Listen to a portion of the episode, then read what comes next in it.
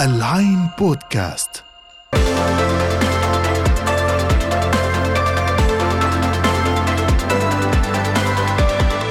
أخيرا رجعنا لكم بحلقة جديدة من بودكاست بصمة تك بعد ما غبنا عنكم الحلقة الماضية.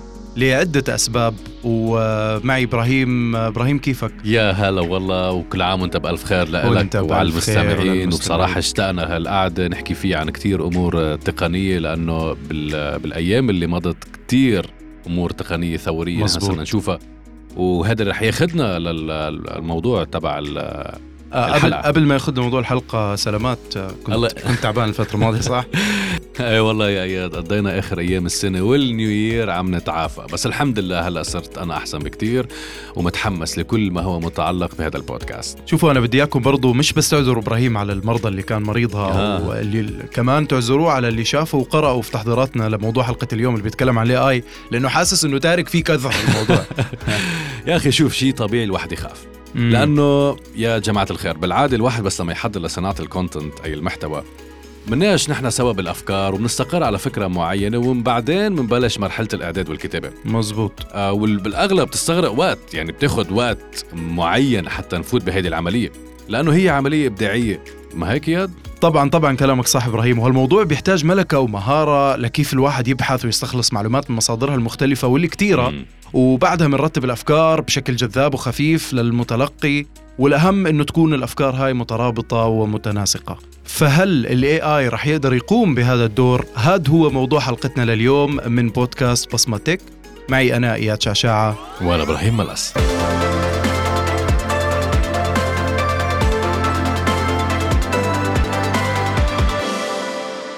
الكتابة يا جماعة مثل ما كلنا متفقين هي فن وإبداع. سواء كتابة السينما، روايات، مقالات، دراما وبرامج. ولهيك الناس بتحتاج يا ناس مختصين تقدر تعملها لأنها هي بدها خبرة وإبداع بشري. لكن شو بيصير لو في برنامج بين إيدين الكل وبيعمل كل هيدول وبثواني؟ نحن عم نحكي عن ChatGPT من شركة OpenAI اللي تم الكشف عنه بالأسبوع الأول من ديسمبر والعالم حرفيا اهتز. من اللي شافه من هذا البرنامج؟ مية بالمية كلامك. وما ضل حدا إلا وكان بيحكي عنه. وقبله بفترة إذا أنت متذكر إياد نحن شفنا الصور اللي بينتجها Midjourney واللي صح. بتقارب بجودتها إبداع أحسن الفنانين وال graphic designers بصراحة أنا شايف إنه الحكم بإنه الذكاء الاصطناعي راح يبدع بشكل مقارب أو ممكن حتى يتخطى البشر هذا الشيء مش كتير مقنعني. و... أو على الأقل مش مش شيء قريب.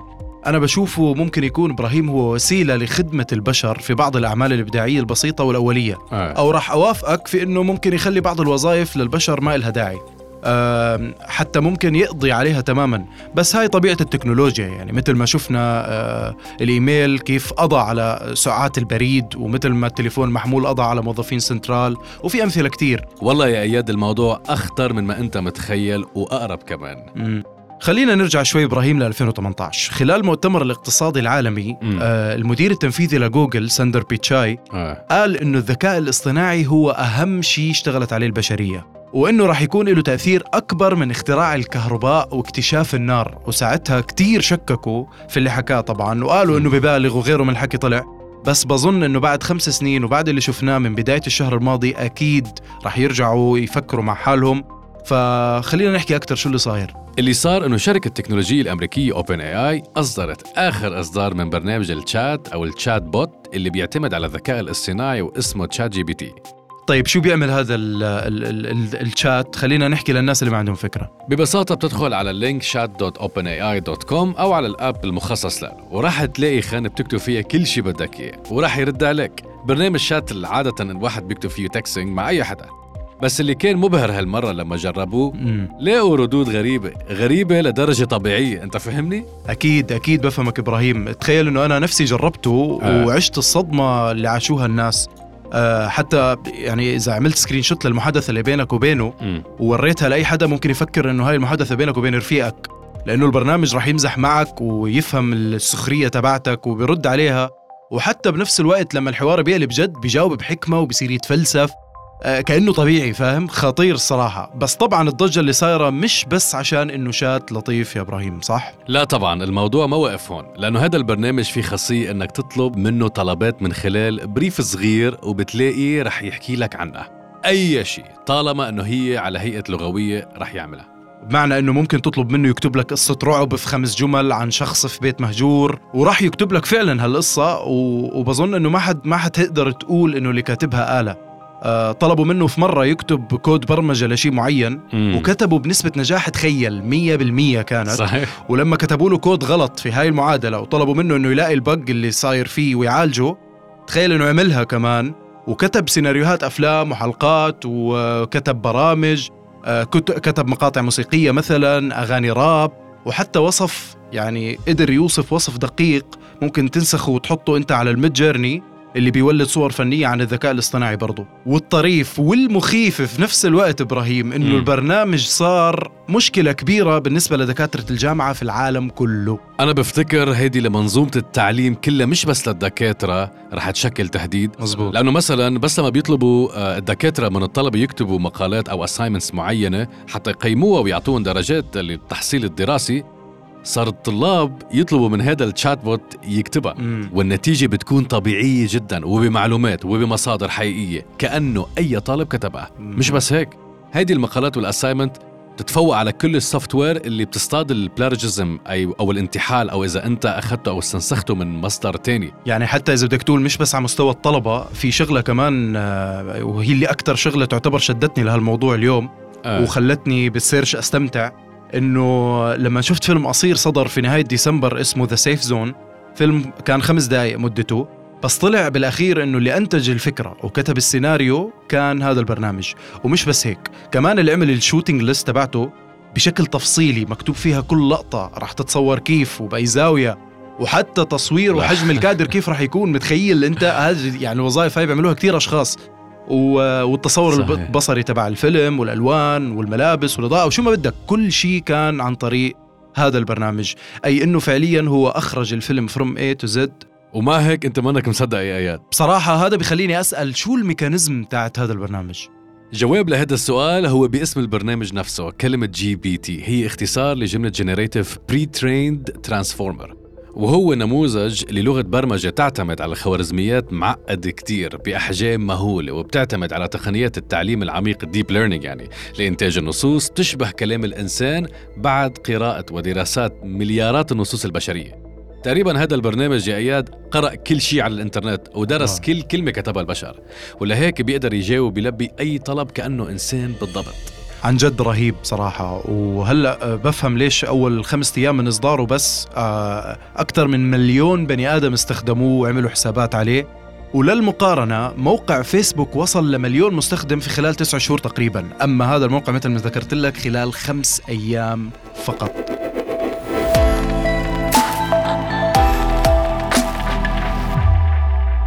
وبما أنه نحن عم نحكي عن التطبيقات إيلون ماسك رئيس تويتر نزل tweet يا أياد قال إنه أوبن اي آي شات جي بي تي جيد بدرجة مخيفة. وكلها مسألة وقت والذكاء الاصطناعي رح يتحول لخطر علينا. وبتلومني ليش أنا مخضوض يا إياد؟ يا عمي حقك علي تماما أنا ما قلت شيء بس شو يعني مصدر الخطورة اللي رح يصير من هذا البرنامج؟ نحن مشان نجاوب على هذا الموضوع نحن لازم نفهم بالبداية شو يعني البرمجة. المعروف طبعا إنه البرمجة هي كتابة الأوامر اللي بدك الآلة تنفذها ولكن من خلال لغة البرمجة أو أكواد حتى تقدر الآلة تفهمها وتنفذ. بالضبط. طب شو رح يكون الوضع لما الآلة تكتب الأوامر لنفسها؟ أيوه أوكي. لأول مرة ممكن يكون معك حق صراحة. يا رجل خلي عندك ضمير. لا لا خلص عندك حق عن جد. لا بلشت أقتنع بس هاي مش أكتر شيء شاغلني صراحة. ها شو؟ أكيد رح يعملوا لأنه مع مع هاي الجزئية ضوابط عشان ما نوصل لمرحلة إنه الآلة تكون هي اللي بتتحكم في ذاتها زي ما أنت بتفكر أو حتى الأفلام بنشوفها. البشر مش أغبياء يعني ولا شو رأيك؟ والله لو بتشوف تاريخ البشرية رح تراجع نفسك. المهم يعني أنا اللي شغلني صراحة إنه حيكون في تأثير لهاي التكنولوجيا على كتير وظائف وحتأثر على البشر بشكل مباشر أو غير مباشر. مثل ما حكينا يعني عندك مصممين ال graphics كتاب المقالات كتاب المحتوى خبراء ال SEO المسوقين الرقميين تقريبا صناعة ال digital marketing بالكامل راح تتأثر بهالموضوع. صح بس أنا اللي بدي أقول لك يا يا إياد إنه هذا البرنامج وفر أداة سهلة جدا لغير المختصين إنهم يستخدموا وما يلجأوا لمحترفين. بمعنى لو أنت بدك تعمل حملة إعلانية على الإنترنت لمنتج آه رح تقدر تكتب slogan تبعك وتعمل تصميم اللوجو وتصميم. ال design وتكتب ال captions وال post الخاص بالمنتج. ولو بدك تبرمج شيء معين هو رح يعمل لك كل الكود فبالتأكيد رح يقل الطلب على المختصين بهذه المجالات.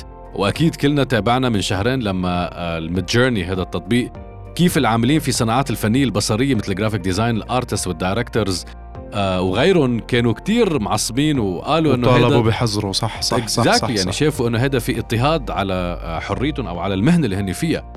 بس كيف رح توقف التكنولوجيا؟ هذا هو السؤال. أيوه. طيب شو العمل؟ لجاوبك خليني طمن معظم الناس إنه حتى الآن النتائج اللي بتصدر من هيك برامج جيدة. وليست ممتازة. مزبوط كأنك بتاخد درجة نص نص مش فنان ومبدع على الآخر يعني. على سبيل المثال أكيد ما راح يكتب لك نص مثل ذا جاد فاذر مثلا. صح بس أكيد رح يفيد المستخدمين بأعمال تقليدية اللي ما بيحتاج فن كبير. ولكن لما بدنا شغلة على درجة عالية من الجودة أكيد هون نحن رح نلتجئ لمختصين المختصين بشريين حيكون يعني. لهم دور إيه. حقيقيين. وعم بحكي تحديدا بمجال الفن والإبداع. ولهيك أنا برأيي صراحة ضروري الواحد يضل يطور من حاله عشان ما. يلاقي في يوم من الأيام نفسه في مقارنة مع AI أو whatever شيء إحنا مخترعينه هلا صراحة اياد إذا بدك تحكي بيوم من الأيام أنا مم. برأيي إنه مفهوم كلمة الإبداع اللي إحنا كتير عم نتاجر فيها رح تختلف بشكل جذري مع التطور تبع الذكاء الاصطناعي لأنه مفهوم الإبداع هو عبارة عن بيانات عديدة بموضوع معين يعني. knowledge كتير لحتى توصل للإبداع من ChatGPT نحن عم نشوفه عم يبدع لأنه عم عنده كل البيانات المطلوبة فالسؤال بس إمتى رح نشوف الذكاء الاصطناعي مبدع بس إحنا لما كنا بنحكي برضو عن الإبداع بوجهة النظر الثانية إنه آه. الإبداع هو هو ما عمل شيء لحاله هو إحنا أعطيناه شغلات أو كودات ليعمل هذا الشيء.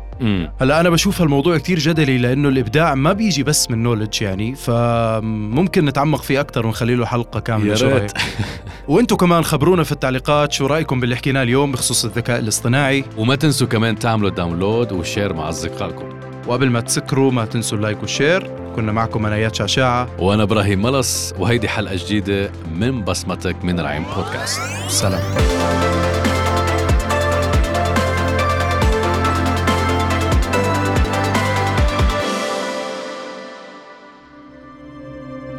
العين بودكاست تسمع لترى العالم.